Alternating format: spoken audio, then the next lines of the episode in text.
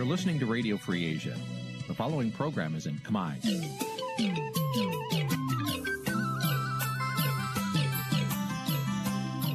នេះជាកម្មវិធីផ្សាយ Vuthu Azizi Serai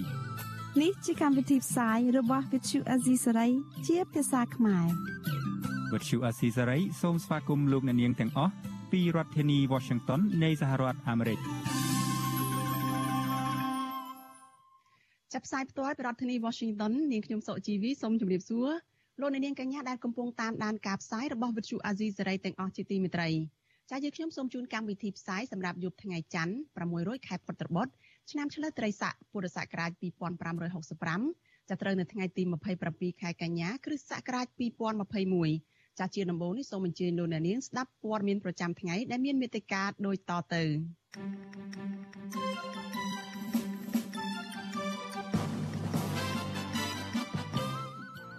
សង្គមស៊ីវិលបន្តយុទ្ធនាការទាមទារដោះលែងមេសហជីពលោករងឈុននិងសកម្មជនសង្គមចំនួន7នាក់ទៀតមន្ត្រីសង្ឃថាវត្តអារាមអាចរៀបចំកន្លែងប្រគេនចង្ហាន់ព្រះសង្ឃអំឡុងពេលពិធីបុណ្យភ្ជុំបិណ្ឌត្រឹមខ្លោងទ្វារវត្តដើម្បីទប់ស្កាត់ជំងឺ Covid-19 អង្គការមួយនៅប្រទេសថៃជួយសម្រួលដល់ពលករខ្មែរឲ្យបានចាក់វ៉ាក់សាំងការពារជំងឺ Covid-19 សង្គមស៊ីវិលនិងជនជាតិដើមភាគតិចជំរុញរដ្ឋាភិបាលគ្រប់គ្រងចំណូលពីរ៉ែឲ្យមានតម្លាភាពនិងប្រសិទ្ធភាពរួមនឹងព័ត៌មានផ្សេងៗមួយចំនួនទៀតចាជាបន្តទៅទៀតនេះនាងខ្ញុំសុជីវីសូមជូនព័ត៌មានទាំងនេះពិស្ដាចលនានាងជាទីមេត្រីតកតងនឹងការឆ្លងរាលដាលជំងឺ Covid-19 អ្នកជំងឺ Covid-19 ចំនួន18អ្នកទៀតបានស្លាប់ដែលធ្វើឲ្យករណីអ្នកស្លាប់កើនឡើងដល់ជាង2200អ្នកហើយ ហើយចំពោះករណីអ្នកឆ្លងថ្មីវិញគឺមានជាង800នាក់នៅក្នុងថ្ងៃដដែលនេះក្នុងនោះជាង100នាក់គឺជាករណីដែលនាំចូលពីក្រៅប្រទេសចាគិតត្រឹមព្រឹកថ្ងៃទី27ខែកញ្ញាកម្ពុជាមានអ្នកកើតជំងឺ Covid-19 ជិត110,000នាក់ក្នុងនោះអ្នកជាសះស្បើយមានប្រមាណ100,000នាក់ក្រសួងសុខាភិបាលប្រកាសថាគិតត្រឹមថ្ងៃទី26ខែកញ្ញាម្សិលមិញរដ្ឋាភិបាលចាក់វ៉ាក់សាំងជូនពលរដ្ឋបានជាង9លាន8សែននាក់ ក្នុងចំណោមអ្នកដែលត្រូវចាក់សរុប10លាននាក់ចំណែកកុមារនិងយុវជនដែលមានអាយុចន្លោះពី6ឆ្នាំរហូតដល់17ឆ្នាំវិញក្រសួងបញ្ជាក់ថាចាក់វ៉ាក់សាំងបានជាង3លាននាក់នៅក្នុងចំណោមអ្នកដែលត្រូវចាក់សរុបជិត4លាននាក់ចាដោយឡែកគណៈកម្មការចំពោះកិច្ចចាក់វ៉ាក់សាំងជំងឺ Covid-19 នៅថ្ងៃទី27ខែកញ្ញាបានដាក់ឲ្យប្រើប្រាស់ផែនការសកម្មភាពសម្រាប់អនុវត្តគោលនយោបាយចាក់វ៉ាក់សាំងបង្ការជំងឺ Covid-19 ដូសជំរុញ ដើម្បីបង្កើនភាពស៊ាំប្រឆាំងនឹងមេរោគ COVID-19 ចាប់ផែនការសកម្មភាពនេះមានគោលបំណងកាត់បន្ថយការឆ្លងភាពធ្ងន់ធ្ងរនៃជំងឺការឈឺការសម្រាកព្យាបាលនៅមន្ទីរពេទ្យនិងអ្នកស្លាប់ដែលបណ្ដាលមកពីជំងឺ COVID-19 ចាប់ផែនការនេះគឺសម្ដៅទប់ទល់ទៅនឹងការគម្រាមកំហែងនៃមេរោគបំផ្លាញខ្លួនថ្មីថ្មីតាមរយៈការចាក់វ៉ាក់សាំងបង្ការជំងឺ COVID-19 ដូសជំរុញ ទៅដល់ប្រជាពលរដ្ឋដែលមានអាយុចាប់ពី12ឆ្នាំឡើងទៅចាប់ផែនការសកម្មភាពនេះទទួលស្គាល់ថាដោយសារតែកម្ពុជាប្រើប្រាស់ជាទូទៅនៅវ៉ាក់សាំងចិន ប្រភេទ Sinopharm និង Sinovac សម្រាប់ចាក់ដូសទី1ហើយដូសទី2ដូច្នេះកម្ពុជាអាចប្រឈមនឹងកង្វះវ៉ាក់សាំងសម្រាប់ដូសជំរុញដោយសារតែកម្ពុជាជ្រើសរើសយកវ៉ាក់សាំងប្រភេទដទៃចាវ៉ាក់សាំងចិនទាំងពីរប្រភេទនេះក៏រងការរិះគន់ដែរថាគឺមិនសូវមានប្រសិទ្ធភាព។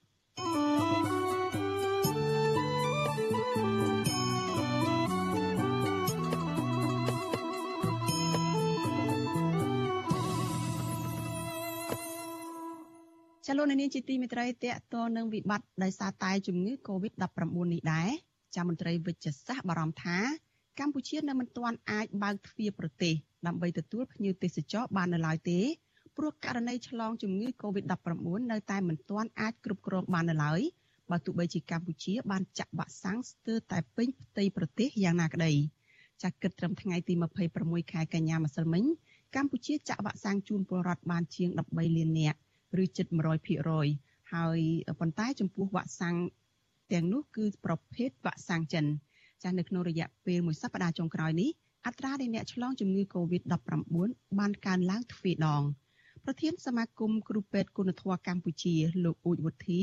ថាកម្ពុជាត្រូវការរយៈពេលយូរនឹងការសិក្សាស៊ីជម្រៅបន្ថែមទៀតលើប្រសិទ្ធភាពនៃការចាក់វ៉ាក់សាំងបង្ការជំងឺ Covid-19 ដែលបានចាក់ជូនប្រជាពលរដ្ឋនៅទូទាំងប្រទេសមុននឹងបើកប្រទេសទទួលអ្នកខាងក្រៅ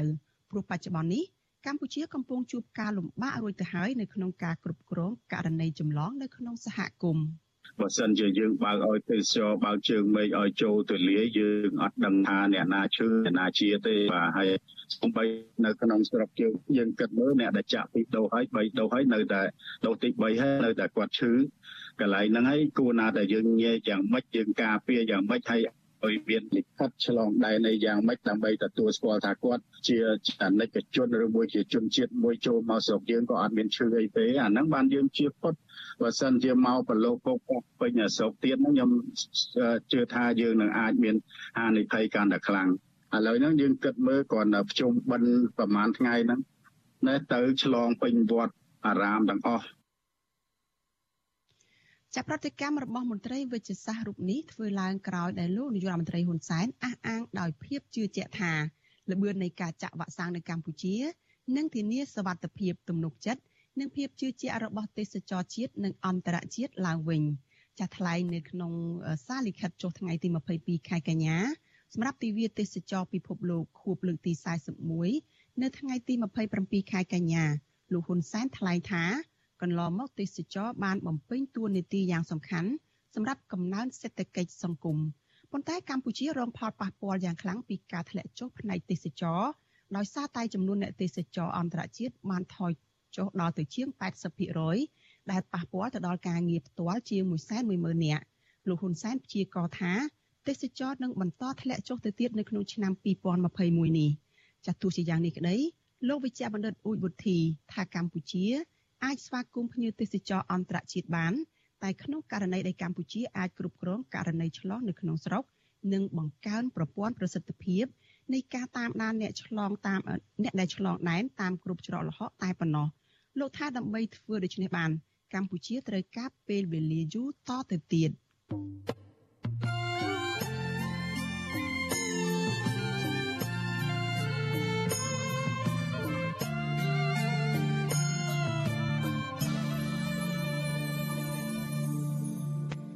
លោកអ្នកនាងជាទីមេត្រីលោកអ្នកកំពុងតាមដានការផ្សាយរបស់វិទ្យុអាស៊ីសេរីផ្សាយចេញពីរដ្ឋធានី Washington សហរដ្ឋអាមេរិកចាតកតនឹងយុទ្ធនាការទៀមទីឲ្យមានការដោះលែងលោករងជននិងសកម្មជនសង្គមឯនេះវិញចាក្រុមអង្គការសង្គមស៊ីវិលក្នុងស្រុកនៅក្នុងសប្តាហ៍នេះបានបន្តធ្វើយុទ្ធនាការបង្ហោះសារតាមបណ្ដាញសង្គម Facebook ទៀមទីបន្ថែមទៀតឲ្យសមត្ថកិច្ចដោះលែងមេសហជីពលោករងជននិងសកម្មជនសង្គម7នាក់ទៀត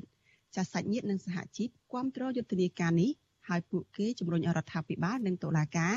ទម្លាក់ចោលបទចោទលើសកម្មជនទាំងអស់នោះដោយគ្មានលក្ខខណ្ឌចាសសូមស្ដាប់សេចក្តីរាយការណ៍របស់លោកមូណារ៉េតអំពីរឿងនេះនៅសប្តាហ៍ទី8នេះក្រមសង្គមស៊ីវិល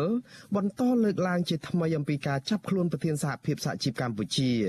និងជាតំណាងក្រុមប្រឹក្សាឃ្លាំមើលកម្ពុជាលោករងឈុនក្នុងបទចោទញុះញង់ឲ្យប្រព្រឹត្តបទអក្រិតជាអាត និងការចាប់ខ្លួនយុវជនសង្គមចំនួន7នាក់នៃក្រុមខ្មែរថាវរៈនិងសមាជិកនៃសមាគមសម្ព័ន្ធនិស្សិតបញ្ញវន្តខ្មែរដែលបានតវ៉ាដោយអហិង្សាជំទាស់ទៅនឹងការចាប់ខ្លួនលោករងឈុនកាលពីខែសីហានិងខែកញ្ញាឆ្នាំមុនក្រមសង្គមស៊ីវិលនៅតែបង្ហាញការសោកស្ដាយចំពោះការចាប់ខ្លួនអ្នកទាំង8នាក់ព្រោះសកម្មភាពរបស់ពួកគេគ្រាន់តែចង់ការពារយុត្តិធម៌សង្គមនិងលើកកម្ពស់សិទ្ធិមនុស្សតែប៉ុណ្ណោះ តែបែរជារងការគំរាមកំហែងបំផិតបំភ័យនឹងការចាប់ដាក់ពន្ធនាគារដោយអយុត្តិធម៌ទៅវិញ កាលពីសប្តាហ៍មុនមុនក្រុមសង្គមស៊ីវិលបានប្រៀបធៀបសកម្មភាពសង្គមរវាងអ្នកកំពុងជាប់ឃុំទាំង8នាក់ទៅនឹងសកម្មជនបរទេសដែលតែងតែទទួលបានការគ្រប់គ្រងនិងការលើកដំកើងនិងការជួយជ្រោមជ្រែងពីអាជ្ញាធររដ្ឋរបស់គេយ៉ាងពេញទំហឹងនៅក្នុងសប្តាហ៍នេះក្រុមសង្គមស៊ីវិលមិនបន្តការប្រៀបធៀបបែបនេះទៀតទេក៏ប៉ុន្តែពួកគេបានលើកយកមតិរបស់សាច់ញាតិរបស់សកម្មជនទាំង8នាក់មកតាំងបង្ហាញនៅក្នុងរូបថតនៃយុទ្ធនាការលើកនេះ សាច់ញាតិរបស់អ្នកទាំង8នាក់នោះលើកឡើងស្រដៀងស្រដៀងគ្នាថាសកម្មភាពរបស់សកម្មជនទាំងនោះគឺជាការការពារផលប្រយោជន៍ជាតិនិងទាមទារឲ្យរដ្ឋាភិបាលទម្លាក់បទចោទប្រឆាំងលើពួកគាត់អ្នកទាំង8នាក់នោះមានលោករងឈុនដែលត្រូវបានតឡាការកាត់ទោសឲ្យជាប់ពន្ធនាគារ2ឆ្នាំពីបទចោទញុះញង់ដោយសារតែការបញ្ចេញមតិពីបញ្ហាព្រំដែនកម្ពុជាវៀតណាមអាយុវជនហ៊ុនវណ្ណៈ ស្ត្រីឈឿនដារាវី លោកថាឡាវីកញ្ញាអេងម៉ាឡៃហៅសូមេតា លោកមានព្រំមនីលោកមួងសុភ័ក្រនិងប្រដេជប្រគុណកើតសារាយពួកគាត់កំពុងតែជាប់ឃុំបណ្ដោះអាសន្នជាង1ឆ្នាំមកហើយនៅក្នុងបទចោទញុះញង់ឲ្យមានភាពវឹកវរធ្ងន់ធ្ងរដល់សន្តិសុខសង្គមពាក់ព័ន្ធនឹងការតវ៉ាទាមទារឲ្យតុលាការដោះលែងលោករងឈុននេះ។ សាច់ញាតិរបស់អ្នកជាប់ឃុំគាំទ្រយុទ្ធនាការនេះនឹងស្នើសុំរដ្ឋាភិបាលនិងតុលាការទម្លាក់ចោលបទចោទនិងដោះលែងសកម្មជនទាំង8នាក់នោះវិញប្អូនស្រីរបស់កញ្ញាអេងម៉ាឡៃហៅសូមេតាគឺកញ្ញាអេងវ៉ាន់ឌីមិនចង់ឲ្យតុលាការបន្តឃុំខ្លួនសកម្មជនទាំង8នាក់នេះតទៅទៀតទេព្រោះកញ្ញាថាការឃុំខ្លួនដោយអយុត្តិធម៌ជាង1ឆ្នាំមកនេះបានបណ្ដាលឲ្យពួកគាត់ទ្រុឌទ្រោមសុខភាពជាខ្លាំងជា អយុធម៌សម្រាប់ពួកគាត់យុវជនទាំងអស់គ្នាពួកគាត់ធ្វើដើម្បីយុវជនចំនួនក្រោយហើយនិងសង្គមយើងចឹងណាវត្តជូអាស៊ីសេរីមិនអាចសុំការបញ្ជាក់ពីអ្នកនាំពាក្យគណៈកម្មាធិការសិទ្ធិមនុស្សរបស់រដ្ឋាភិបាលលោកកតាអូននៅថ្ងៃទី27ខែកញ្ញាក៏ប៉ុន្តែទោះជាយ៉ាងនេះក្តីមន្ត្រីរដ្ឋាភិបាលរូបនេះធ្លាប់បញ្ជាក់ថាយុទ្ធនាការនេះគឺជាសិទ្ធិរបស់អង្គការឯការសម្រេចក្តីបែបណាគឺជាឆន្ទានុសិទ្ធិរបស់មន្ត្រីតុលាការ ចំណែកឯអង្គការសមាគមសហជីពនិងបណ្ដាញប្រជាពលរដ្ឋនិងសហគមន៍អន្តរជាតិឯនោះទៅវិញពួកគេជឿថាសំណុំរឿងអ្នកទាំង8នាក់នេះគឺជាការបង្ក្រាបសម្លេងរិះគន់ជាជាងការអនុវត្តច្បាប់ក្រៅពីយុទ្ធនាការដែលរៀបចំឡើងដោយអង្គការសង្គមស៊ីវិលខាងសហជីពកម្មកររោងចក្រក៏ចូលរួមគាំទ្រការស្នើឲ្យដោះលែងអ្នកទាំង8រូបនេះដែរប្រធានសហព័ន្ធសហជីពស៊ីខៅឌូលោកគង់អាទិត្យ ឲ្យដឹងថាសហជីពនិងកម្មករមួយចំនួនបានចូលរួមទាមទារឲ្យដោះលែងលោករងឈុននិងសកម្មជនទាំងអស់ព្រោះពួកគាត់ជឿថាអ្នកទាំង8នាក់នោះមិនមានកំហុសទេលោកមិនចង់ឲ្យមានការបន្តឃុំខ្លួនលោករងឈុនតទៅទៀតព្រោះការធ្វើបែបនេះវាជាឥទ្ធិពលមិនល្អដល់សេរីភាពបញ្ចេញមតិរបស់សហជីព ធ្វើឲ្យមានការភ័យឬក៏ចង់និយាយថាបារម្ភពីបណ្ដាសកម្មជនផ្សេងផ្សេងដែរអញ្ចឹងណាវាមិនប៉ះពាល់អីដល់វិស័យកាត់ដេរអីជាទ្រង់ទ្រាយធំអីទេគាត់ថាវាប៉ះពាល់ដល់សេរីភាពក្នុងការបញ្ចេញមតិវាប៉ះពាល់ក្នុងការងារឲ្យវាបានសេរីជាងមុនអីចឹងណាគាត់វាធ្វើឲ្យមានការរៀងប៉ះពាល់ដល់អារម្មណ៍ពួកកម្មជនដូចខ្ញុំដូចអីចឹងដែរចឹងណា ចាប់តាំងពីឆ្នាំ2020មករបបក្រុងភ្នំពេញបានបង្កើនការចាប់ខ្លួនអ្នករិះគន់ឡើងវិញគិតមកត្រឹមចុងខែកញ្ញានេះសមត្ថកិច្ចបានចាប់អ្នកនយោបាយសកម្មជនសង្គមនិងសិទ្ធិមនុស្សគ្រូបង្រៀនអ្នកការពារបរិស្ថានដាក់ឃុំនៅក្នុងពន្ធនាគារសរុបជិត90នាក់ទៅហើយដោយសារតែការអនុវត្តសិទ្ធិជាមូលដ្ឋានរបស់ពួកគាត់ចំនួននេះមិនទាន់រាប់បញ្ចូលទាំងជនរងគ្រោះពីការលបវាយរបស់ជនមិនស្គាល់មុខនិងជនរងគ្រោះកំពុងតែរត់ភៀសខ្លួននោះទេ អង្គការសិទ្ធិមនុស្សជាតិនិងអន្តរជាតិនិងក្រុមអ្នកជំនាញសិទ្ធិមនុស្សរបស់អង្គការសហប្រជាជាតិផងបានទាមទារឲ្យរដ្ឋាភិបាលដោះលែងសកម្មជនទាំងអស់ហើយត្រូវបញ្ឈប់អំពើរំលោភសិទ្ធិមនុស្សបែបនេះតទៅទៀតខ្ញុំបាទមួងណារ៉េត With you Azizi ពីរដ្ឋធានី Washington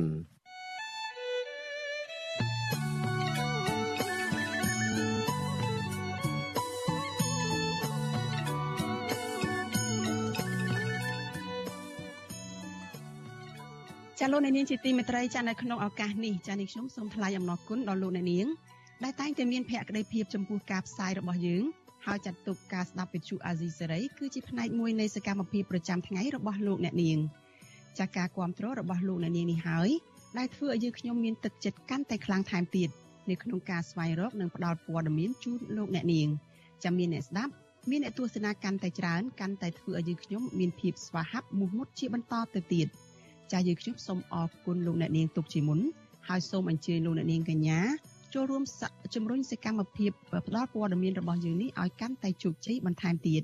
ចាលោកអ្នកនាងអាចជួយយើងខ្ញុំបានដោយគ្រាន់តែចុចចែករំលែកការផ្សាយរបស់ Vithu Azizi Serai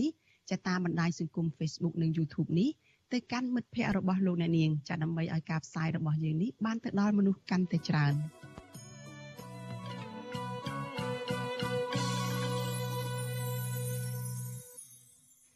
ចាលោកនាងប្រិមិត្តជាទីមេត្រីចាតកតនឹងស្ថានភាពរបស់ក្រមពលករខ្មែរដែលកំពុងតែធ្វើការនៅក្នុងប្រទេសថៃឯនោះវិញចាអង្គការមូលនិធិបណ្ដាញលើកកម្ពស់គុណភាពជីវិតពលករដែលហៅកាត់ថា LPN នៅក្នុងប្រទេសថៃនោះបានជួយសម្របសម្រួលដល់ពលករខ្មែរជាច្រើនអ្នកនៅក្នុងតំបន់នៅទីក្រុងបាងកកដើម្បីឲ្យបានចាក់វ៉ាក់សាំងការពារជំងឺ Covid-19 ចាអង្គការនេះ បន្តអំពាវនាវដល់ពលរដ្ឋខ្មែរទាំងឡាយដែលជាពលករហើយមិនទាន់បានចាក់វ៉ាក់សាំងនោះអាចទៅតាក់ទងមន្ត្រីរបស់ខ្លួននៅក្នុងប្រទេសថៃដើម្បីសុំចុះឈ្មោះចាក់វ៉ាក់សាំងបានចាសសូមស្ដាប់សេចក្តីរាយការណ៍នេះរបស់លោកជាតិចំណានមន្ត្រីអង្គការសង្គមស៊ីវិលធ្វើការងារផ្នែកពលករបរទេសនៅប្រទេសថៃថ្លែងថាចាប់តាំងពីខែសីហារហូតមកអង្គការនេះបានជួយដល់ពលករខ្មែរចាក់វ៉ាក់សាំងការពារជំងឺ Covid-19 បានជាង1000នាក់ហើយអង្គការនេះ អាចជួយចាក់វ៉ាក់សាំងចំពោះពលករខ្មែរដែលរស់នៅទីក្រុងបាងកកនិងខេត្តជុំវិញប៉ុណ្ណោះប្រសិនបើពលករណាមិនទាន់បានចាក់វ៉ាក់សាំងពួកគេអាចទំនាក់ទំនងទៅតំណាងអង្គការ LPN តាមលេខទូរស័ព្ទ061 244 1550និង094 336 2615ដើម្បីជួយចុះឈ្មោះចាក់វ៉ាក់សាំងការពារជំងឺ Covid-19 ដោយឥតគិតប្រាក់មន្ត្រីអង្គការមូលនិធិបណ្ដាញលើកកម្ពស់គុណភាពជីវិតពលករលោកទឹកផល្លា ប្រាប់វិសុអេស៊ីសរ៉ៃនៅថ្ងៃទី27ខែកញ្ញាថាគោលបំណងនៃការជួយពលករនេះដើម្បីជួយឲ្យពលករខ្មែរបានចាក់វ៉ាក់សាំងការពារជំងឺ Covid-19 ឲ្យបានគ្រប់គ្នាដើម្បីឲ្យពួកគេអាចធ្វើការនៅប្រទេសថៃប្រកបដោយសុវត្ថិភាពមន្ត្រីសង្គមស៊ីវិលរូបនេះបញ្ជាក់ថាឯកសារដែលពលករភ្ជាប់មកជាមួយដើម្បីចុះឈ្មោះចាក់វ៉ាក់សាំងរួមមានលិខិតឆ្លងដែនឬកាតពណ៌ស៊ីជម្ពូនិងបានសម្គាល់ខ្លួនផ្សេងផ្សេងដែលចេញដោយតកែថៃ ខាងអង្គការនឹងសម្លឹងឃើញថាជាសិទ្ធិរបស់បងប្អូនពលករមួយដែលគាត់ត្រូវតែមានត្រូវតែបានចាក់វ៉ាក់សាំងអញ្ចឹងហើយក្នុងនាមខ្ញុំជាតំណាងឲ្យខាងមូលនិធិក៏ខ្ញុំខំខ្នះខ្នាយដើម្បីបញ្ជូនឲ្យពួកគាត់ថតមុខឯកសារមុខអីមកលេខទូរស័ព្ទអីដើម្បីដាក់ចូលទៅឲ្យបានចាក់វ៉ាក់សាំងរបស់គ្នាព្រោះថាយើងឃើញថា COVID-19 នៅក្នុងប្រទេសថៃវាកំពុងពុះខ្លាំងអញ្ចឹងហើយគេសង្កត់ធ្ងន់ឲ្យយើងនឹងមានការចាក់វ៉ាក់សាំងកន្លងមកមានពលករខ្មែរជាច្រើនអ្នក ចង់ចាក់វ៉ាក់សាំងការពារជំងឺ Covid-19 នៅប្រទេសថៃប៉ុន្តែពួកគេពុំដឹងទៅតាក់ទងនឹងស្ថាប័នណាដើម្បីចាក់វ៉ាក់សាំងនោះទេពលករខ្មែរធ្វើការរោងចក្រគ្រឿងអគ្គិសនីនៅខេត្តសមុទ្រប្រការលោកជួនឌឿនថ្លែងថាពលករខ្មែរធ្វើការជាមួយលោកប្រមាណ20នាក់មិនទាន់ចាក់វ៉ាក់សាំងការពារជំងឺ Covid-19 នៅឡើយទេពលករវ័យ37ឆ្នាំរូបនេះបញ្ជាក់ថាពួកគេបានស្វែងរកចាក់វ៉ាក់សាំងជាច្រើនថ្ងៃមកហើយប៉ុន្តែរកមិនបាននោះទេ ឡើយខ្ញុំខ្ញុំអត់ឃើញមានការទៅការឲ្យចាក់ណាដែរបងគេថាទៅតែមានគឺមានឯកសារគ្រប់គ្រាន់មិនយើងទៅលំទៅមានមកមានណាទីប្រាប់បញ្ញាដែរទៅចាក់ឡើយណាឡើយណាខ្ញុំមកទៅចាក់ខ្ញុំចង់ចាក់គាត់មិននឹងថាទៅរស់នៅកន្លែងណាទីចុះមកកន្លែងណាទីចាក់បាទជាមួយរឿងនេះវិសុអស៊ីសេរីមិនអាចតាក់ទងមន្ត្រីស្ថានទូតខ្មែរប្រចាំប្រទេសថៃដើម្បីសូមអត្ថាធិប្បាយជំវិញបញ្ហានេះបានទេនៅថ្ងៃទី27ខែកញ្ញាពលករខ្មែរធ្វើការសំណង់នៅទីក្រុងបាងកក លោកឈុនសុខឿនប្រាប់ថានៅកន្លែងធ្វើការរបស់លោកមានពលករខ្មែរប្រមាណ50នាក់មិនទាន់ចាក់វ៉ាក់សាំងនៅឡើយទេលោកបន្តថាពលលោកចង់ចាក់វ៉ាក់សាំងការពារជំងឺ Covid-19 ព្រោះលោកព្រួយបារម្ភពីសុខភាពដោយសារតែនៅកន្លែងពលលោកធ្វើការជាតំបន់ដែលមានការរាតត្បាតជំងឺ Covid-19 ខ្លាំងឃើញថាបើសិនតែមានអញ្ចឹងហ្នឹងគឺល្អមែនទែនដោយសារបងប្អូនពលករខ្មែរជាច្រើនដែលគាត់ជួនកាលទៅគាត់អត់ទៅមានសុខភាពវិសាអត់បានចាក់ហើយគាត់ដែលគាត់អត់ គាត់បានចាក់នេះគឺដោយសារគាត់ខ្លះគាត់ខ្លាចអស់លុយច្រើនបាទព្រោះយើងវាអត់មានតែរយៈក្នុងការចុះឈ្មោះយើងឬក៏យើងអត់ដឹងអញ្ចឹងណាបងបាទហ្នឹងឯងគឺពេលនេះគឺខ្ញុំខ្ញុំសង្ឃឹមថាអង្គការហ្នឹងគាត់ជួយដល់ពលករខ្មែរជាច្រើនដែលមិនទាន់បានចាក់ឲ្យគាត់បានចាក់គ្រប់គ្នាដើម្បីឲ្យមានសុខភាពអឺជាគាត់ពីជំងឺ Covid-19 ហើយខ្ញុំក៏ត្រេកអរណាស់ហើយខ្ញុំក៏ បានឮថាព័ត៌មានថាអង្គការគាត់ជួយដល់ពលករខ្មែរបាទបាទបើសិនតើមានហ្នឹងគឺខ្ញុំនឹងតាក់ទងទៅបាទរបាយការណ៍របស់អង្គការសង្ត្រាល់ឲ្យដឹងថាបច្ចុប្បន្នមានពលករខ្មែរធ្វើការងារស្របច្បាប់និងមិនស្របច្បាប់ជិត2លាននាក់ដែលធ្វើការនៅប្រទេសថៃក្នុងចំណោមនោះគិតត្រឹមថ្ងៃទី6ខែកញ្ញាក្រសួងសុខាភិបាលថៃបានរកឃើញពលករខ្មែរជាង23,000នាក់ឆ្លងជំងឺ Covid-19 មន្ត្រីអង្គការ LPN លោកទឹកផល្លាជឿថារហូតមកដល់ពេលនេះមានពលករខ្មែររាប់សែននាក់មិនទាន់បានចាក់វ៉ាក់សាំងការពារជំងឺ Covid-19 ដូច្នេះអង្គការរបស់លោកនៅតែបន្តជួយសម្រួលដល់ពលករដើម្បីចុះឈ្មោះចាក់វ៉ាក់សាំងរហូតដល់ចប់គម្រោងចាក់វ៉ាក់សាំងការពារជំងឺ Covid-19 របស់រដ្ឋាភិបាលថៃខ្ញុំបាទជាជំនាញ Visual Society ពីរដ្ឋធានី Washington ចាលោកនាងជាទីមេត្រីនៅក្នុងរឿងនេះចានេះខ្ញុំមានសម្ភារផ្ទាល់មួយជាមួយនឹងមន្ត្រីដែលគាត់ជាអ្នក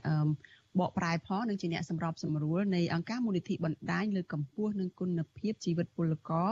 ដែលហៅកាត់ថា LPN ចាគឺលោកទឹកផល្លា ចាលោកទឹកផល្លាចូលមកជជែកនៅក្នុងកម្មវិធីផ្សាយរបស់យើងនៅយប់នេះចាតកតងទៅនឹងការអំពាវនាវរបស់អង្គការលោកឲ្យពលករខ្មែរដែលកំពុងតែធ្វើការនៅក្នុងប្រទេសថៃនឹងទៅចុះឈ្មោះដើម្បីបានចាក់វ៉ាក់សាំងបង្ការជំងឺ Covid-19 ចាលោកចូលមកជជែកតាមប្រព័ន្ធទូរស័ព្ទចាជំរាបសួរលោកទឹកផល្លាចាបាទជំរាបសួរបាទខ្ញុំទេចាអ្នកស្រីនិងប្រិមិត្តអសីសេរីទីគោរពនិង ទីរាប់អានបាទចាបានបានលើពីខាងលោកផល្លាលោកផល្លាតើដំណឹងនៃការចាក់វ៉ាក់សាំងបង្ការជំងឺ Covid-19 សម្រាប់ពលករហ្នឹងនឹងធ្វើនៅតំបន់ណាខ្លះទៅទូទាំង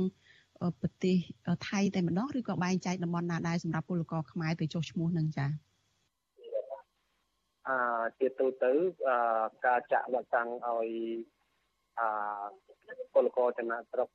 គឺ ឲ្យចាក់ទូទាំងប្រទេសបាទអឺតែដោយសារខ្ញុំនៅទីទីក្រុងបង្កកនិងខេត្តជំវិញទីក្រុងបង្កកចំនួន5គឺខ្ញុំបានទទួលពាក្យអឺដើម្បីចុះឈ្មោះឲ្យពួកគាត់បានទទួលចាក់វ៉ាក់សាំងចាដូច្នេះតើធ្វើយ៉ាងម៉េចទៅដើម្បីបានចុះឈ្មោះនឹងឮថាលោកអំពីវនីវផងនឹងតើ អ្នកណាខ្លះដែលអាចទៅចាក់វ៉ាក់សាំងបានចំពោះពលករខ្មែរដែលនៅប្រទេសថៃឬក៏ខេត្តជុំវិញប្រទេសទីក្រុងបាងកកដែលលោកបានលើកឡើងនឹងចា៎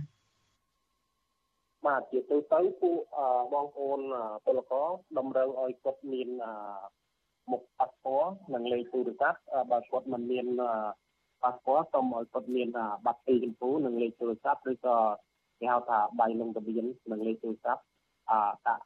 ឲ្យ បញ្ជូនដល់ខ្ញុំខ្ញុំនឹងបញ្ជូនចូលទៅខាងមូលនិធិដើម្បីចុះឈ្មោះឲ្យពួកគាត់បានទទួលការចាក់វ៉ាក់សាំងឲ្យបានគ្រប់គ្នាណាចាទី1គឺត្រូវមានលិខិតឆ្លងដែនហើយមួយទៀតហ្នឹងគឺគាត់ត្រូវមានបានការងារដែលហៅថាបានពណ៌ផ្កាឈូកនឹងអឺចុះចំពោះអ្នកដែលគាត់អត់មានមិនទាន់មានបានការងារពីព្រោះកន្លងមកហ្នឹងគឺថា ពិបាកណាស់នៅក្នុងការទៅធ្វើបានការងារបានពណ៌ផ្កាឈូកនឹងព្រោះដោយសារតែវិបត្តិជំងឺ Covid-19 ផងតម្លៃថ្លៃផងហើយខាងនយោជកគឺតកែហ្នឹងក៏មិនមិនបានជួយចេញថ្លៃដែលទៅធ្វើបានអីហ្នឹងផងហ្នឹងតើយ៉ាងម៉េចនៅពេលដែលគាត់អត់មានបានពណ៌ផ្កាឈូកមិនទាន់បានហ្នឹងតើគាត់ធ្វើយ៉ាងម៉េចទៅចា៎អឺចំពោះបងប្អូនដែលអត់ទាន់បានទទួលបានការឈូកគាត់មានប័យលងទ្បៀនដូចខ្ញុំបានជម្រាបខាងដើម គឺសូមឲ្យគាត់ប្រើប័យលងទ្បៀនប័យចុះឈ្មោះជាមួយនឹងក្រសួងការងារហើយនឹងលេខទូរស័ព្ទគាត់អាចផ្ញើមកជាព័ត៌មានផ្ទាល់ខ្លួនរបស់ពួកគាត់ដើម្បីខ្ញុំបញ្ជូនទៅខាងអង្គការដើម្បីចុះឈ្មោះឲ្យពួកគាត់បានតែម្យ៉ាងទៀតសម្រាប់បងប្អូនដែលគាត់គ្មានឯកសារគឺជាការលំបាកមួយសម្រាប់បងប្អូនជាខ្លាំងបាទគឺมันអាចទៅលងទ្បៀនឬក៏ទៅចុះឈ្មោះ ដើម្បីចាក់វ៉ាក់សាំងបានបាទចាផ្ញើទៅលោកទឹក ផល្លានោះផ្ញើទៅតាមណាខ្លះបានចាអផ្ញើអាចតំណែងតំណងមកខ្ញុំបានតាមរយៈលេខទូរស័ព្ទក៏បាន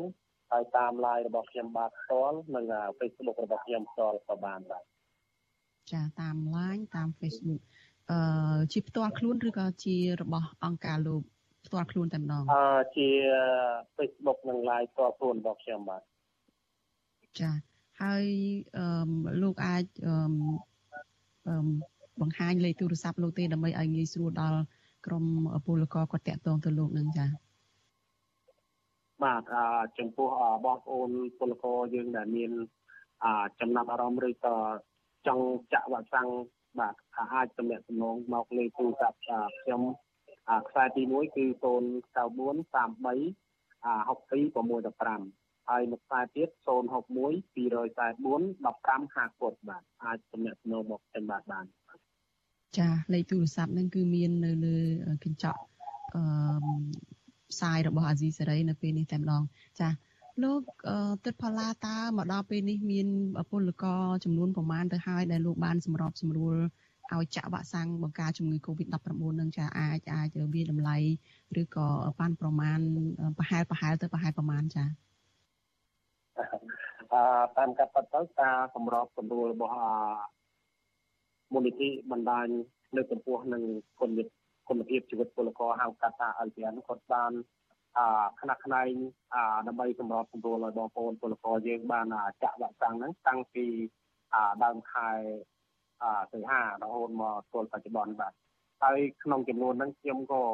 បានបានជាធ្វើអាស្ថិតិឲ្យបានត្រឹមត្រូវដែរគឺគាត់ផ្ញើមក20 30នាក់ឬអា10នាក់5នាក់ខ្ញុំចេះតែដាក់ចុះឈ្មោះទៅបន្តបន្តដើម្បីឲ្យពួកគាត់បានទទួលការចាក់វ៉ាក់សាំងនឹងហើយក៏ពួកគាត់ក៏បានចាក់វ៉ាក់សាំងមកជុលទី1មកជុលទី2ជាច្រើនគ្នារួចមកហើយដែរ ចាតើអឺអាចថានៅសល់ចំនួនប្រមាណទៀតទេព្រោះថាមានអ្នកទៅធ្វើការច្រើនណាស់ខ្មែរដែលទៅធ្វើការនៅប្រទេសថៃនឹងហើយកំពុងតែចង់ចាក់វ៉ាក់សាំងនឹងចាបាទបើតាមដែលខ្ញុំដឹងប្រតិទិបងប្អូនយើងដែលគាត់មិនទាន់បានចាក់វ៉ាក់សាំងហ្នឹងក៏ចំនួនច្រើនដែរហើយក៏អ្នកដែលបានទទួលចាក់វ៉ាក់សាំងតាមរោងចក្រតាគ្រីផ្សេងផ្សេងហ្នឹងក៏បានចំនួនច្រើនដែរបាទ តែបញ្ហាសម្រាប់ដែលបងប្អូនយើងគាត់មិនទាន់បានចាក់វ៉ាក់សាំងនេះគឺដូចខ្ញុំបានជម្រាបគឺពួកគាត់មិនមានអាបានធានារ៉ាប់រងសង្គមឬបាត់គេហៅថាប្រកាន់សុខភាពអញ្ចឹងហើយគាត់លំបាកតែចំពោះបងប្អូនអញ្ចឹងមិនបាច់ពួយបារម្ភទេបើសិនតែបងប្អូនបានស្ដាប់ការផ្សាយវិទ្យុអភិសេរីឬក៏ការផ្សព្វផ្សាយរបស់ខ្ញុំតាមទំព័រ Facebook បងប្អូនអាចទំនាក់ទំនងមកខ្ញុំបាទបាន អឺដាក់មុខប៉ាសពតនិងលេខទូរស័ព្ទឬក៏បានការជូកលេខទូរស័ព្ទឬក៏អឺបៃលងទ្រានជាមួយក្រសួងការងារនិងលេខទូរស័ព្ទមកខ្ញុំនឹងចុះឈ្មោះជូនដើម្បីឲ្យបងប្អូនបានចាក់វ៉ាក់សាំងឲ្យបានគ្រប់គ្រប់គ្នាបាទចាការការចាក់វ៉ាក់សាំងនឹងជាការសម្របសម្រួលរបស់ក្រមអង្គការរបស់លោកនឹងគឺជាប្រភេទវ៉ាក់សាំងដែលផ្ដល់ឲ្យរដ្ឋាភិបាលផ្ដល់ឲ្យរដ្ឋាភិបាលថៃមិនចឹងចា បាទអឺត្រង់នេះគឺជាការខ្នះខ្នែងរបស់អមូលនិធិឬក៏អង្គការហ្នឹងគាត់បានសុំពោតាពី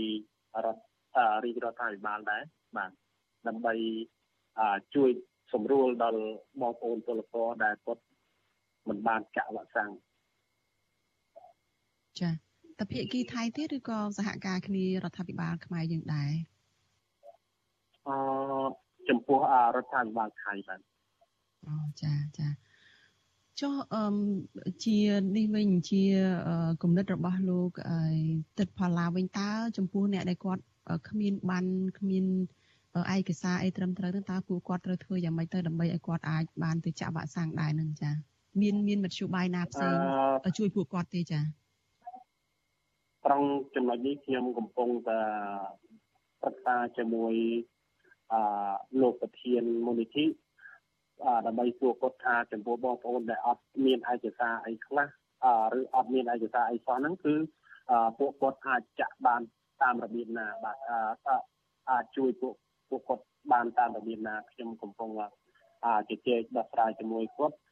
រកដំណោះស្រាយជូនកន្លែងហ្នឹងដែរបាទចា ក្រៅទៅពីការសម្របសម្រួលផ្ដល់វ៉ាក់សាំងអីនេះតើអង្គការរបស់លោកនឹងបានជួយយ៉ាងណាខ្លះទៀតទៅដល់ក្រុមពលករដែរទេចាដូចជាការផ្ដល់ស៊ីសំភារៈស្បៀងអាហារអីហ្នឹងចាសម្របសម្រួលការចាក់វ៉ាក់សាំងជាទូទៅខ្ញុំបាទនិងមូលនិធិបានពំនាំយកស្បៀងអាហារឬក៏ថ្នាំសង្កូវក្នុងកំឡុងកូវីដហ្នឹងទៅចុះចែក ជូនបងប្អូនពលករយើងស្ទើរតែព្រឹកខែបាទនៅក្នុងប្រទេសថៃរហូតដល់ជួយបងប្អូនកាលខែចុងខែ7ខែកក្កដាឬខែដល់ខែសីហាហ្នឹងអខាងខ្ញុំហ្នឹងក៏បានចុះទៅជួយបងប្អូនពលករនៅតាមប្រវត្តិព្រំដែនកម្ពុជាថៃដែលពួកគាត់ជាប់ទាំងដែលដោយសាររដ្ឋាភិបាលថៃហ្នឹងប្រកាសបាត់8ខេត្តជាប់ព្រំដែនថៃបាទក៏បានចុះទៅជួយពួកគាត់ដឹកស្បៀងអាហារឆ្នាំសង្កូវឲ្យយកទៅចុះទៅ ចែកពួកគាត់តលដៃបាទចាការចែកជាជំនួយផ្សេងផ្សេងសង្គ្រោះបន្ទាន់នៅក្នុងពេលមានវិបត្តិជំងឺ Covid-19 ហ្នឹងអឺលោកចុះទៅដោយខ្លួនឯងបានន័យថាយើងយើងជ្រើសរើសទីតាំងគោលដៅយើងចុះទៅឬក៏អឺរបៀបដូចថាទទួលការស្នើសុំអីរបស់ពលករដែលគាត់ដែលគាត់ជួបការលំបាកនឹងដែរចា៎ត្រង់ចំណុចនេះខាងបងប្អូនពលករយើងគាត់ក៏បាន ស្នើសុំតាមរយៈបណ្ដាញក្រុមការងារហើយខាងអង្គការ LPN ក៏បានសហការជាមួយនឹងប្រធានអគ្គកុងស៊ុលនៅប្រចាំខេត្តប្រកែវដើម្បីឲ្យដឹងថាទីតាំងកន្លែងណាដែលមានបងប្អូនពលករកំពុងទទួលការលំបាកបាទគឺយើងសហការជាមួយកុងស៊ុលនៅប្រចាំចង្វាត់តាកែវដើម្បីចុះទៅចែកស្បៀងឬសម្ភារៈថ្នាំពេទ្យជូនពួកគាត់បាទ ចា៎អរគុណច្រើនលោកទឹកផល្លាចាដែលបានផ្ដល់ការសម្ភាសដ៏មានសារៈសំខាន់សម្រាប់ពលករខ្មែរដែលកំពុងតែជួបការលំបាកហើយក្នុងវិបត្តិជំងឺ Covid-19 នឹងផងខ្វះខាតស្បៀងអាហារផងហើយនឹងកំពុងតែចង់ចាក់វ៉ាក់សាំងបង្ការជំងឺ Covid-19 នេះចាហើយជូនពរលោកសុខភាពល្អហើយជម្រាបលាលោកត្រឹមប៉ុណ្ណេះចាបាទបាទសូមប្រមានរៀបរៀបបាទអរគុណបាទ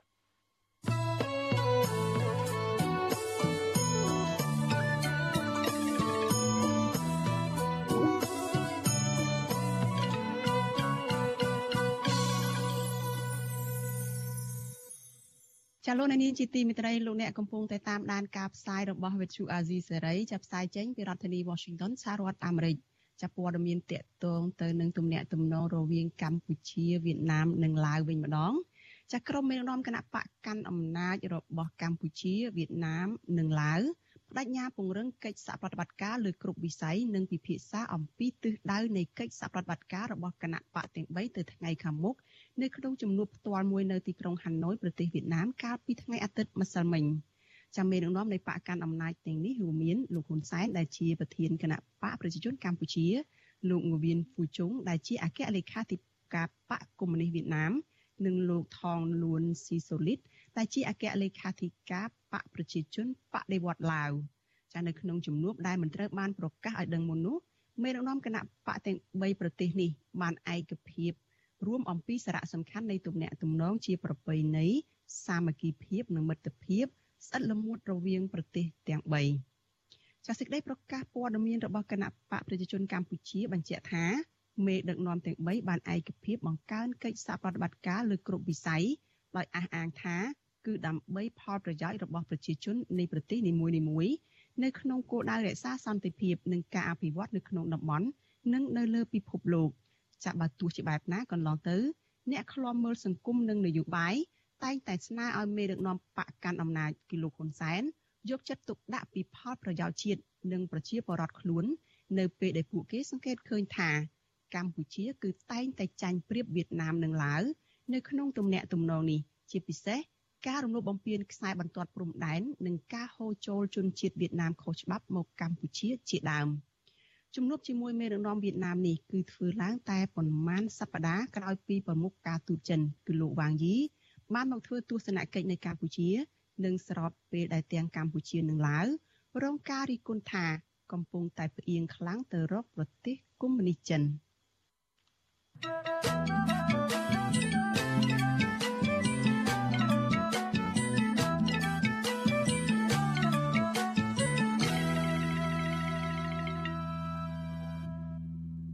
ចាលោកនាងជាទីមេត្រីនៅក្នុងរឿងនយោបាយនេះដែរចាលោកនាយរដ្ឋមន្ត្រីហ៊ុនសែននិងគណៈបកប្រជាជនកម្ពុជាដែលត្រូវបានវៀតណាមលើកបន្ទប់ឲ្យកាន់អំណាចនៅកម្ពុជាក្រោយការដួលរលំរលាយនៃរបបខ្មែរក្រហមនោះហាក់បានងាកចេញបន្តិចម្ដងបន្តិចម្ដងពីឥទ្ធិពលរបស់ទីក្រុងហាណូយទៅចាប់យកទីក្រុងប៉េកាំងដែលជាគូវិវាទរបស់វៀតណាមនៅសមុទ្រចិនខាងត្បូងចាក្នុងពេលបច្ចុប្បន្ននេះ ទីក្រុងប៉េកាំងកំពុងតែមានព្រៀបខ្លាំងជាងវៀតណាមនៅក្នុងការអូសទាញលោកហ៊ុនសែននិងគណៈបកប្រជាជនកម្ពុជាឲ្យទៅកាន់តែស្និទ្ធជាមួយចិនចតានៅពេលខាងមុខកម្ពុជានៅក្រោមការដឹកនាំរបស់លោកហ៊ុនសែនអាចបោះបង់វៀតណាមទាំងស្រុងដោយងាកទៅចាប់ចិនដែរឬទេចាសសូមលោកនាងរងចាំស្ដាប់បទសម្ភាសន៍នេះនៅក្នុងការផ្សាយរបស់យើងនៅពេលបន្តិចទៀតនេះអាស៊ីសេរី ចលនានេះជាទីមេត្រីលោកនាយករដ្ឋមន្ត្រីហ៊ុនសែនបានបដិញ្ញាចិត្តនៅក្នុងមហាសន្និបាតអង្គការសហប្រជាជាតិលើកទី76ដែលធ្វើឡើងតាមប្រព័ន្ធវីដេអូថានឹងការពារសន្តិភាព សន្តិសុខនិងការលើកស្ទួយសិទ្ធិស្ត្រីជាដើមក្រៅពីនេះលោកអះអាងថានឹងដោះស្រាយបញ្ហាប្រឈមនានានៅក្នុងតំបន់នៅពេលលោកធ្វើជាប្រធានអាស៊ាននៅឆ្នាំក្រោយចតាលោកហ៊ុនសែននឹងដោះស្រាយបញ្ហាប្រឈមនានាដោយរបៀបណា ស្របពេលដែលកម្ពុជាធ្លាប់រងការរិះគន់ជាខ្លាំងថាបានដឹកនាំកិច្ចប្រជុំកម្ពុជាអាស៊ានកាលពីពេលកន្លងទៅនេះដើម្បីតែជួយការពារផលប្រយោជន៍យុទ្ធសាស្ត្ររបស់ចិននៅក្នុងតំបន់ចាសសូមលោកនាងរងចាំទស្សនាបទសម្ភាសន៍ផ្ទាល់មួយរបស់លោកទីនសាការីយ៉ាជាមួយនឹងអ្នកជំនាញកិច្ចការអន្តរជាតិនៅក្នុងការផ្សាយរបស់យើងនៅពេលបន្តិចទៀតនេះ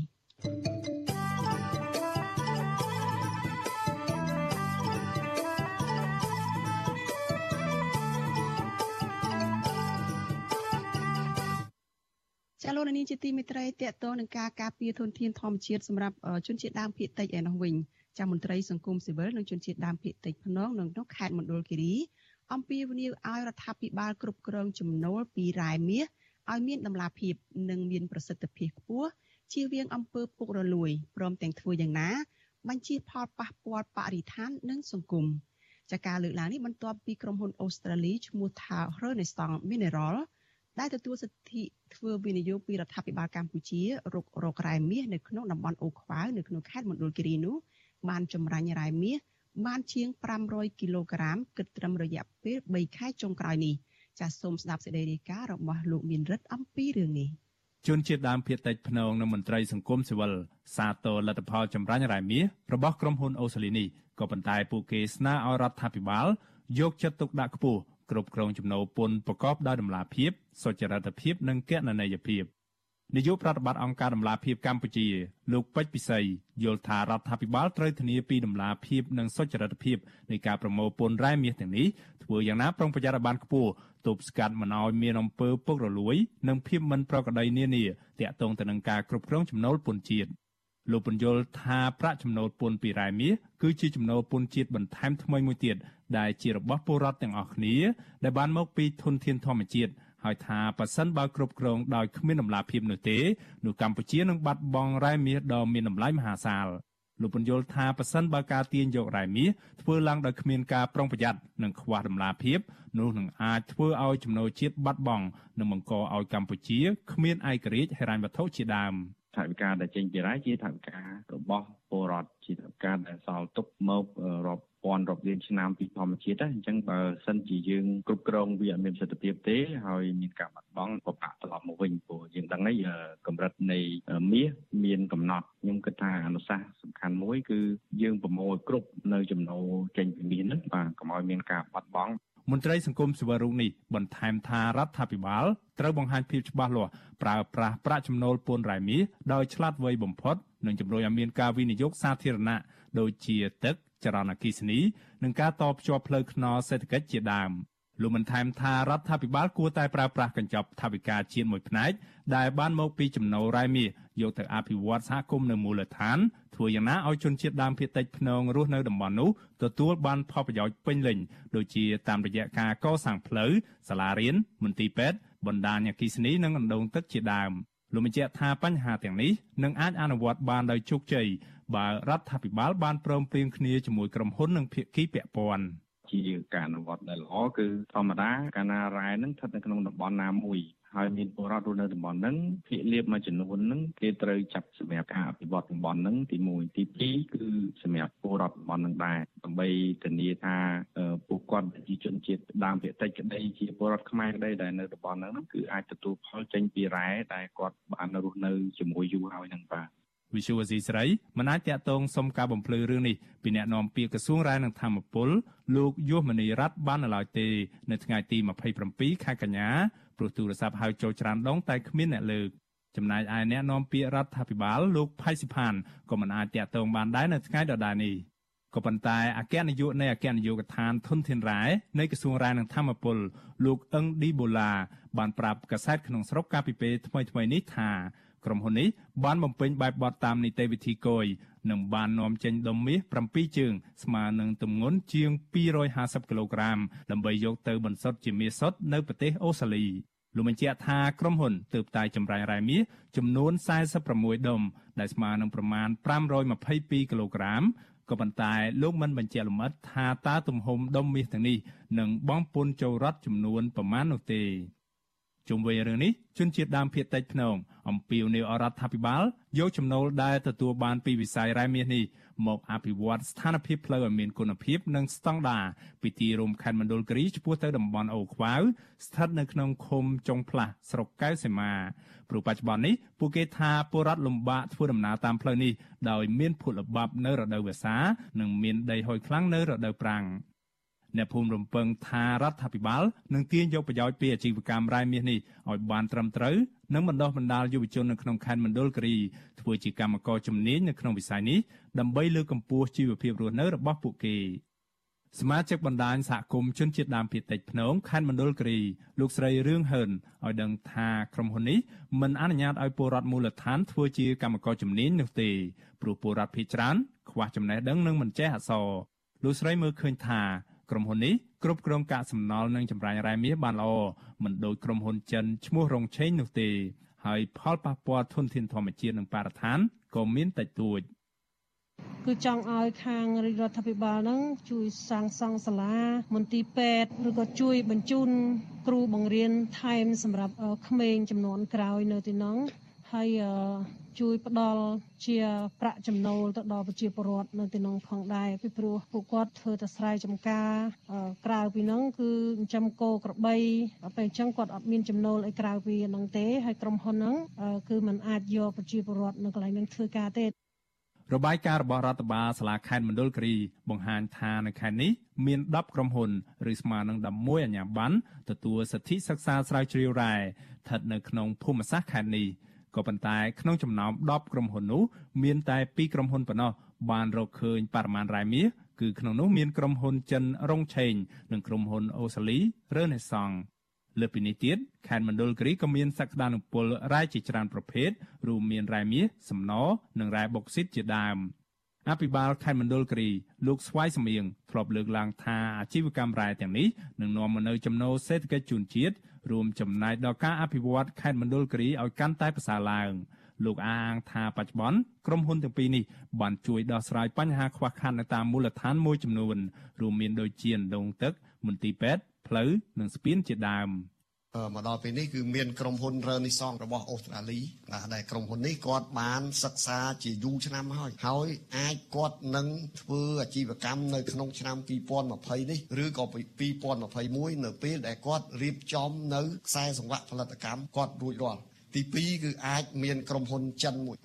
រងឆេងក្រុមហ៊ុននោះក៏គាត់បានសិក្សាហើយហើយគាត់នឹងអាចនឹងអាជ្ញាប័ណ្ណធ្វើអាជីវកម្មនៅក្នុងឆ្នាំ2020ឬ2021នេះជុំវិញរឿងនេះ ទីប្រឹក្សាបណ្ដាញសហគមន៍ជនជាតិដើមភាគតិចភ្នងលោកគ្រឿងដុល្លារយល់ថារដ្ឋាភិបាលគួរតែចរចាជាមួយក្រុមហ៊ុន ស្ថាបនាផ្លូវដើម្បីប៉ះប៉ូវផ្លូវចិត្តរបស់ពលរដ្ឋដែលទទួលរងផលប៉ះពាល់ពីអាជីវកម្មរ៉ែមាសនេះលោកថាពលរដ្ឋនៅតែព្រួយបារម្ភពីផលប៉ះពាល់បរិស្ថានដោយសារកន្លងមកមានរឿងរ៉ាវអាស្រូវជាច្រើនពាក់ព័ន្ធនឹងអំពើពុករលួយ និងផលប៉ះពាល់បរិស្ថានដូចជាករណីពុលទឹកអូបណ្ដាលឲ្យពលរដ្ឋស្លាប់និងគោក្របីជាច្រើនក្បាលងាប់ ដោយសង្ស័យថាក្រុមហ៊ុនចិនរងឆេងបង្ហូរកាកសំណល់ចូលទឹកអូធម្មជាតិគាត់ខ្លាចអាជាតិពុលហ្នឹងវាហូរចេញពីទំនប់របស់ក្រុមហ៊ុនហ្នឹងទី2គេបាត់បង់ធនធានធម្មជាតិហើយការប្រើប្រាស់រ៉ែហ្នឹងវាមិនមិនចំគោលដៅវាធ្វើឲ្យមានអំពើពុករលួយច្រើនរាល់ថ្ងៃអញ្ចឹងណាកាលពីអំឡុងខែមិថុនាកន្លងទៅលោកនាយករដ្ឋមន្ត្រីហ៊ុនសែនថ្លែងថាកម្ពុជាអាចផលិតមាសសុទ្ធជាលក្ខណៈឧស្សាហកម្មបានប្រមាណ3តោននៅក្នុងមួយឆ្នាំ ពីជំរករ៉ែនៅតំបន់អូខ្វៅស្រុកកៅសីមាខេត្តមណ្ឌលគិរីលោកអះអាងថាផលិតកម្មរ៉ែមាសនេះអាចផ្ដល់ចំណូលដុលជាមធ្យមប្រមាណជិត200លានដុល្លារនៅក្នុងមួយឆ្នាំហើយរដ្ឋអាចរកចំណូលចូលថវិកាជាតិបានពីសួយសារនិងសារពើពន្ធផ្សេងៗជាមធ្យមប្រមាណ40លានដុល្លារនៅក្នុងមួយឆ្នាំកាលពីឆ្នាំ2018ពលរដ្ឋរស់នៅខេត្តកញ្ចេះនិងខេត្តមណ្ឌលគិរីជិត20នាក់បានស្លាប់ និងជាង400នាក់បានធ្លាក់ខ្លួនឈឺដោយសារតែពុលទឹកអូរនិងទឹកប្រេកដែលសង្ស័យថាបង្កមកពីការបង្ហូរកាកសំណល់គីមីជាតិស្យានីតពីសំណាក់ក្រុមហ៊ុនរករករ៉ែមាសរបស់ចិនមួយឈ្មោះរងឆេងដែលធ្វើអាជីវកម្មរ៉ែមាសនៅក្នុងខេត្តមណ្ឌលគិរីជាប់ភូមិសាស្ត្រខេត្តក្រចេះ លើពីនេះទៀតនៅឆ្នាំ2018និងឆ្នាំ2019គោក្របីរបស់ពលរដ្ឋរស់នៅឃុំចុងផ្លាស់ស្រុកកែវសីមារាប់រយក្បាលងាប់ជាបន្តបន្ទាប់សង្ស័យពុលទឹកអូដែលក្រុមហ៊ុនចិនរងឆេងបង្ហូរកាកសំណល់ចូលករណីនេះពលរដ្ឋរាប់រយនាក់ធ្លាប់បានផ្តិតមេដាយស្នើឲ្យអាជ្ញាធរមូលដ្ឋានដោះស្រាយរឿងនេះនិងផ្ដល់សំណងសំរុំក៏ប៉ុន្តែពុំទទួលបានលទ្ធផលអ្វីឡើយខ្ញុំបាទមេរិត Visual C ស្រីរាយការណ៍ពីរដ្ឋធានី Washington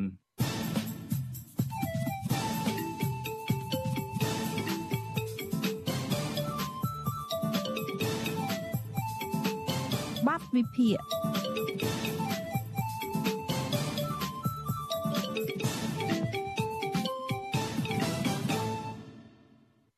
ចាលោកនាងជាទីមេត្រីចាលោកនាយរដ្ឋមន្ត្រីហ៊ុនសែននិងគណៈបកប្រជាជនកម្ពុជាដែលត្រូវបានវៀតណាមលើកបន្ទប់ឲ្យកាន់អំណាចនៅក្រៅការដួលរលំទៅនៃរបបខ្មែរក្រហមនោះ ហាក់បានងាកចេញបន្តិចម្ដងបន្តិចម្ដងពីអធិបុលរបស់ទីក្រុងហាណូយទៅចាប់យកទីក្រុងប៉េកាំងដែលជាដៃគូវិវាទរបស់វៀតណាមនៅសមុទ្រចិនខាងត្បូង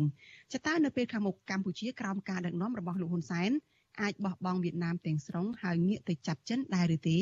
ចាសសូមស្ដាប់បទវិភាគមួយរបស់លោកសេចបណ្ឌិតអំពីរឿងនេះក្រោយការដួលរលំនៃរបបខ្មែរក្រហម នៅដើមឆ្នាំ1979លោកហ៊ុនសែនដែលកាលនោះ ទើបតែមានអាយុ27ឆ្នាំមិនត្រូវបានមេដឹកនាំវៀតណាមលើកបន្ទប់ឲ្យកាន់តំណែង ក្នុងជួរថ្នាក់ដឹកនាំកម្ពុជាកម្ពុជានៃរបបថ្មី គឺរបបសាធារណរដ្ឋប្រជាមានិតកម្ពុជានោះទេរហូតដល់ថ្ងៃទី14ខែមករាឆ្នាំ1985ទើបលោកទទួលបានតំណែងជានាយករដ្ឋមន្ត្រីជាផ្លូវការជាតំណែងដែលលោកបានកាន់រហូតបន្ទាល់នឹងពេលបច្ចុប្បន្ននេះ តាមការលើកឡើងរបស់លោកប៉ែនសវណ្ណដែលជាអតីតនាយករដ្ឋមន្ត្រីកម្ពុជា មុនលោកច័ន្ទស៊ីនិងលោកហ៊ុនសែនបានឲ្យដឹងថាវៀតណាមជ្រើសរើសលោកហ៊ុនសែនឲ្យកាន់តំណែងកម្ពុជានៅពេលនោះក៏ដោយសារតែលោកហ៊ុនសែនគឺជាអ្នកនយោបាយស្មោះត្រង់នឹងប្រទេសវៀតណាម។លោកប៉ែនសវណ្ណបានរៀបរាប់នៅក្នុងសៀវភៅរបស់គាត់ថា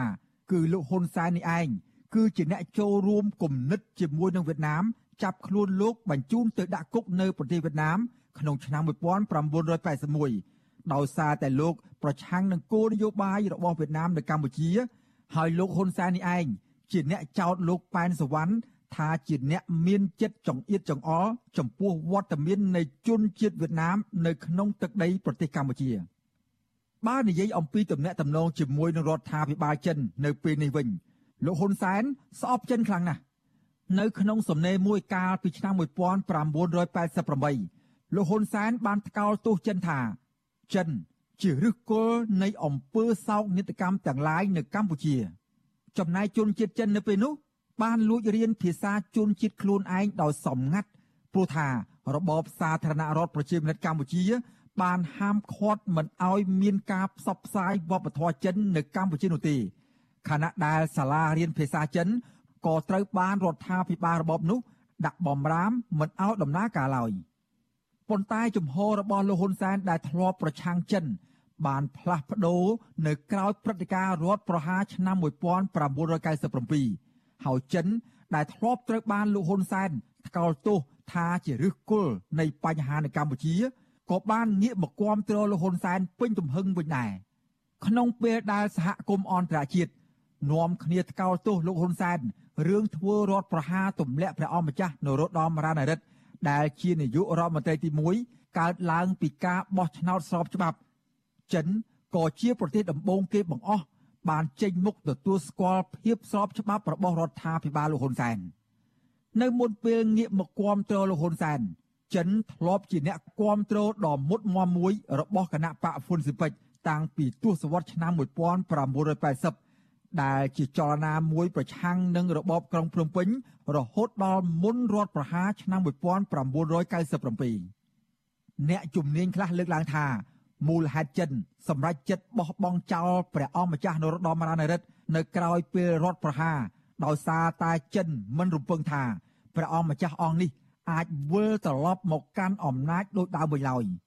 បន្ថែមពីលើនេះហើយប្រហែលជាមូលហេតុសំខាន់បំផុតនោះ អ្នកជំនាញថា គឺចិននៅមានមន្ទិលអំពីភាពស្មោះត្រង់របស់ព្រះអង្គម្ចាស់នរោត្តមរណរដ្ឋចំពោះប្រទេសចិន ដោយសារតែព្រះអង្គម្ចាស់ធ្លាប់ជាអ្នកគង់នៅ និងរៀនសូត្រនៅក្នុងប្រទេសលោកខាងលិច ជាអ្នកប្រជាធិបតេយ្យហើយក៏ជាអ្នកនយោបាយដែលចូលចិត្តមានទំនាក់ទំនងល្អទាំងជាមួយសហរដ្ឋអាមេរិកនិងប្រទេសនៅក្នុងទ្វីបអឺរ៉ុបចាប់តាំងពីពេលនោះមកចំណងទំនាក់ទំនងរវាងលោកហ៊ុនសែននិងអ្នកនយោបាយចិន កាន់តែល្អប្រសើរ និងរឹតតែរឹងមាំឡើងរឹងមាំឡើង រហូតដល់លោកហ៊ុនសែនប្រកាសចាត់ទុកចិនថាជាមិត្តដ៏អស្ចារ្យនិងជាមិត្តដែលគួរឲ្យទុកចិត្តបំផុតរបស់កម្ពុជាខណៈដែលប្រធានាធិបតីចិន លោកស៊ីជីនពីងក៏បានចាត់ទុកកម្ពុជា ថាជាមិត្តដៃថែបរបស់ចិនភាពជិតស្និទ្ធរវាងលោកហ៊ុនសែននិងចិន ជាការពិតណាស់ជាការបញ្ជូនសារដ៏អាម៉ាស់មួយ សម្រាប់ប្រទេសវៀតណាម ដែលធ្លាប់ជាអ្នកជួយជ្រោមជ្រែងលើកបន្ទប់លោកហ៊ុនសែនឲ្យឡើងកាន់អំណាចភាពអាម៉ាស់ដែលត្រូវបានគេមើលឃើញថាធ្ងន់ធ្ងរបំផុតមួយ របស់រដ្ឋាភិបាលវៀតណាម នៅចំពោះមុខទំនាក់ទំនងកម្ពុជាចិន គឺជំហររបស់កម្ពុជា លំអៀងខ្លាំងទៅរកភៀកគីចិននៅក្នុងចំនួនសមុទ្រចិនខាងត្បូងដែលមានវៀតណាមជាដៃគូចំនួនជាមួយនឹងចិនលោកហ៊ុនសែនហាក់មិនបានរវីរវល់ឡើយ អំពីផលប្រយោជន៍របស់វៀតណាមនៅសមុទ្រចិនខាងត្បូងការរាំងខ្ទប់មិនឲ្យអាស៊ាន ចេញសេចក្តីថ្លែងការណ៍រួមនៅឆ្នាំ2012ពេលដែលកម្ពុជាធ្វើជាម្ចាស់ផ្ទះគឺជាឧទាហរណ៍ស្រាប់និន្នាការខ្លាំងក្លារបស់លោកហ៊ុនសែនទៅខាងចិននៅពេលនោះត្រូវបានពលរដ្ឋវៀតណាមជាអ្នកលេង Facebook ខ្លះចេញមករិះគន់លោកហ៊ុនសែនចំចំតែម្ដង ដោយចាត់ទុកលោកហ៊ុនសែនថាជាមនុស្សរមើលគុណក្បត់នឹងប្រទេសវៀតណាម ដែលធ្លាប់បានជួយជ្រោមជ្រែងលោកនៅក្នុងអតីតកាលក៏ប៉ុន្តែភាសារិះគន់ធ្ងន់ធ្ងរដូចនេះគេមិនធ្លាប់បានឮចេញពីមាត់របស់អ្នកនយោបាយវៀតណាមនោះឡើយទោះជាយ៉ាងណា ជាការឆ្លើយតបទៅកាន់ពលរដ្ឋវៀតណាម ហើយប្រហែលជាទៅកាន់រដ្ឋាភិបាលវៀតណាមដែរក៏ថាបាន គឺលោកហ៊ុនសែនហាក់មិនបានទុកមុខទុកមាត់ឲ្យវៀតណាមដែលជាមិត្តចាស់ជិតស្និទ្ធបំផុតនោះដែរលោកហ៊ុនសែន បានឆ្លើយបែបឌឺដងទៅវិញថាវៀតណាមមិនមែនជាឪពុកម្ដាយរបស់លោក ហើយក៏មិនមែនជាស្ដេចឬក៏ជាចៅហ្វាយនាយរបស់លោកនោះដែរអ្នកដែលលោកត្រូវស្មោះត្រង់ជាមួយគឺពលរដ្ឋខ្មែរព្រះមហាក្សត្រនិងប្រពន្ធរបស់លោក លោកហ៊ុនសែនសុំកុំឲ្យវៀតណាម យករឿងរ៉ាវផ្ទៃក្នុងរបស់ខ្លួន មកទម្លាក់កំហុសលើរូបលោក ចំណែកក្រសួងការបរទេសកម្ពុជា ក៏បានចេញសេចក្តីថ្លែងការណ៍ថ្កោលទោសពលរដ្ឋវៀតណាមចំពោះការប្រមាថមកលើលោកហ៊ុនសែនផងដែរគេពិបាកប្រកែកណាស់ថាទំនាក់ទំនងរវាងលោកហ៊ុនសែននិងចិន មានភាពល្អប្រសើរជាងទំនាក់ទំនងរវាងលោកហ៊ុនសែននិងរដ្ឋាភិបាលវៀតណាមក្នុងពេលបច្ចុប្បន្នអ្នកជំនាញផ្នែកទំនាក់ទំនងអន្តរជាតិរបស់វៀតណាមខ្លះចាត់ទុកកម្ពុជា ថាជាសម្ព័ន្ធមិត្តរបស់ចិន នៅក្នុងតំបន់រួចទៅហើយដោយសារតែពួកគេមើលឃើញថា កម្ពុជាមានទំនាក់ទំនងល្អជាមួយចិនស្ទើរគ្រប់វិស័យតាំងពីនយោបាយការទូតសេដ្ឋកិច្ចពាណិជ្ជកម្មជំនួយបរទេសសមុទ្រចិនខាងត្បូងគម្រោងខ្សែក្រវ៉ាត់និងផ្លូវនិងកិច្ចសហប្រតិបត្តិការផ្នែកយោធាព្រោះតែបច្ចុប្បន្នចិន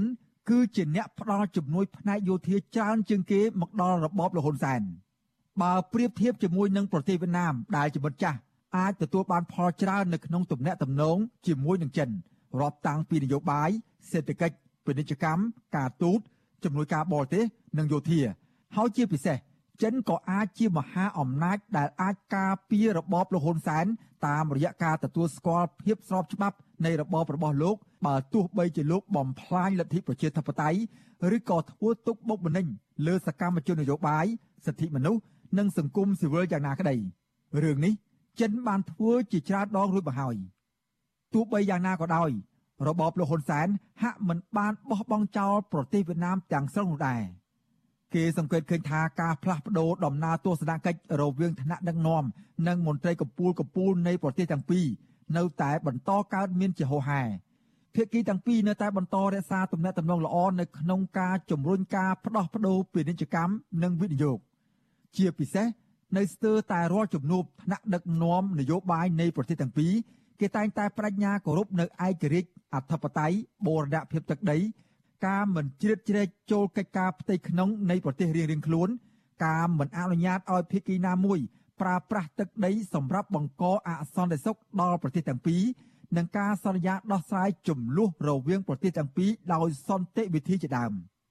ទំនាក់ទំនងរវាងថ្នាក់ដឹកនាំខេត្តរបស់កម្ពុជាជាមួយនឹងថ្នាក់ដឹកនាំខេត្តដែលជាប់ព្រំប្រទល់ជាមួយនឹងប្រទេសវៀតណាមក៏មានដែរមានការបង្កើនកិច្ចសហប្រតិបត្តិការថែរក្សាសន្តិសុខនៅតាមព្រំដែនការបង្ក្រាបការជួញដូរមនុស្សនិងគ្រឿងញៀនជាដើមលើសពីនេះ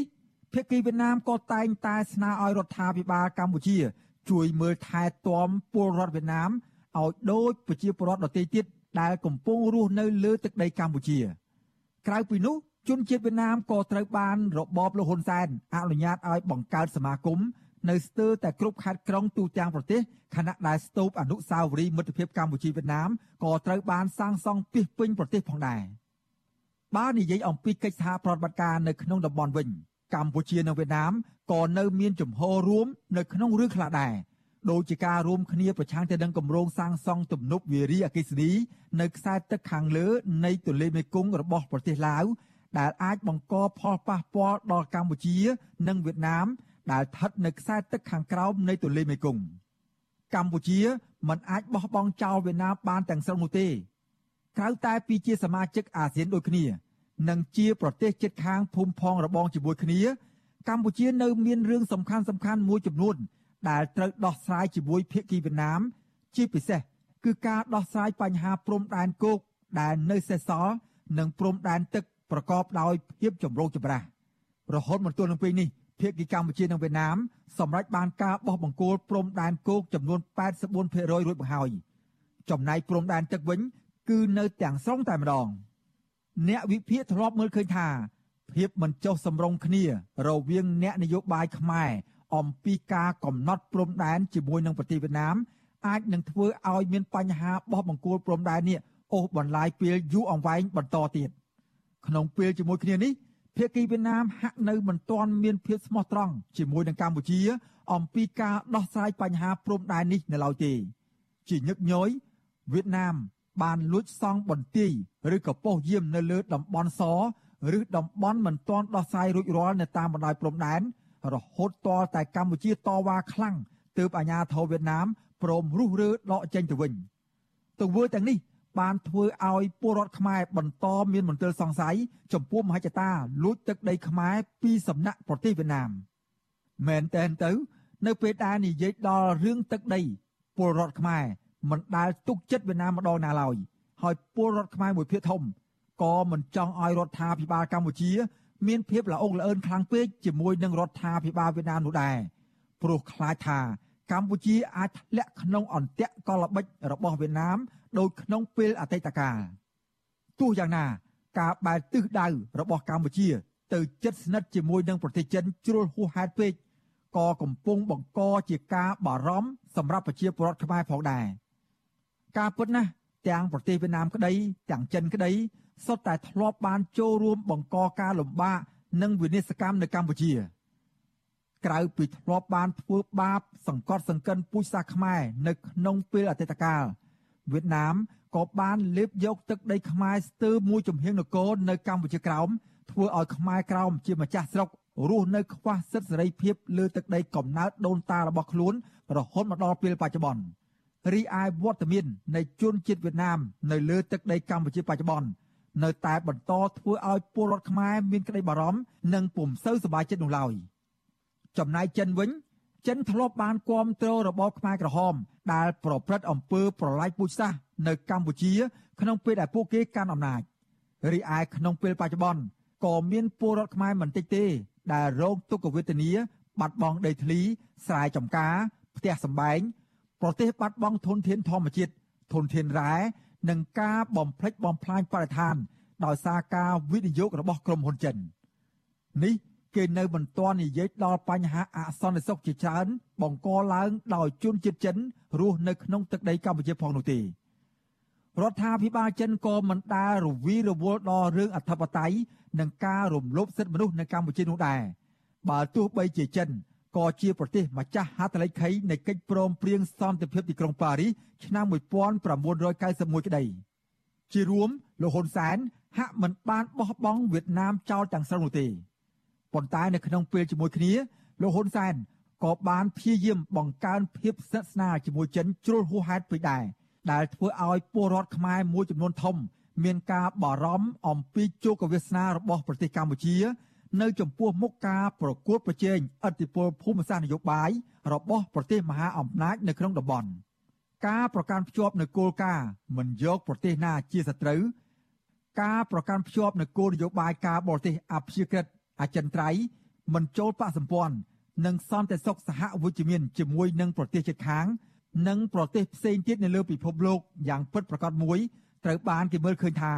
ជាជំរើសដ៏ល្អបំផុតសម្រាប់ប្រទេសកម្ពុជា នៅពេលបច្ចុប្បន្នខ្ញុំបាទសេកបណ្ឌិត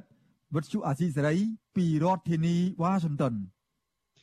ចលនានេះជាទីមិត្តរីរឿងដាច់ដライមួយទៀតចាមន្ត្រីសាស្ត្របញ្ជាក់ថាវត្តអារាមនៅទូទាំងប្រទេសអាចរៀបចំកន្លែងទទួលចង្ហាន់របស់ពុទ្ធបរិស័ទនៅក្នុងអំឡុងពិធីបុណ្យកាន់បិណ្ឌនិងភ្ជុំបិណ្ឌត្រឹមខ្លោងទ្វារវត្ត ចាការបញ្ជាក់នេះគឺបន្ទាប់ពីនៅតាមវត្តអារាមគឺមានការកើនឡើងនៅចំនួនអ្នកឆ្លងនិងស្លាប់ដោយសារជំងឺ Covid-19 ចាលោកនាងនឹងបានស្ដាប់សេចក្តីរាយការណ៍នេះពិស្ដារនៅក្នុងការផ្សាយរបស់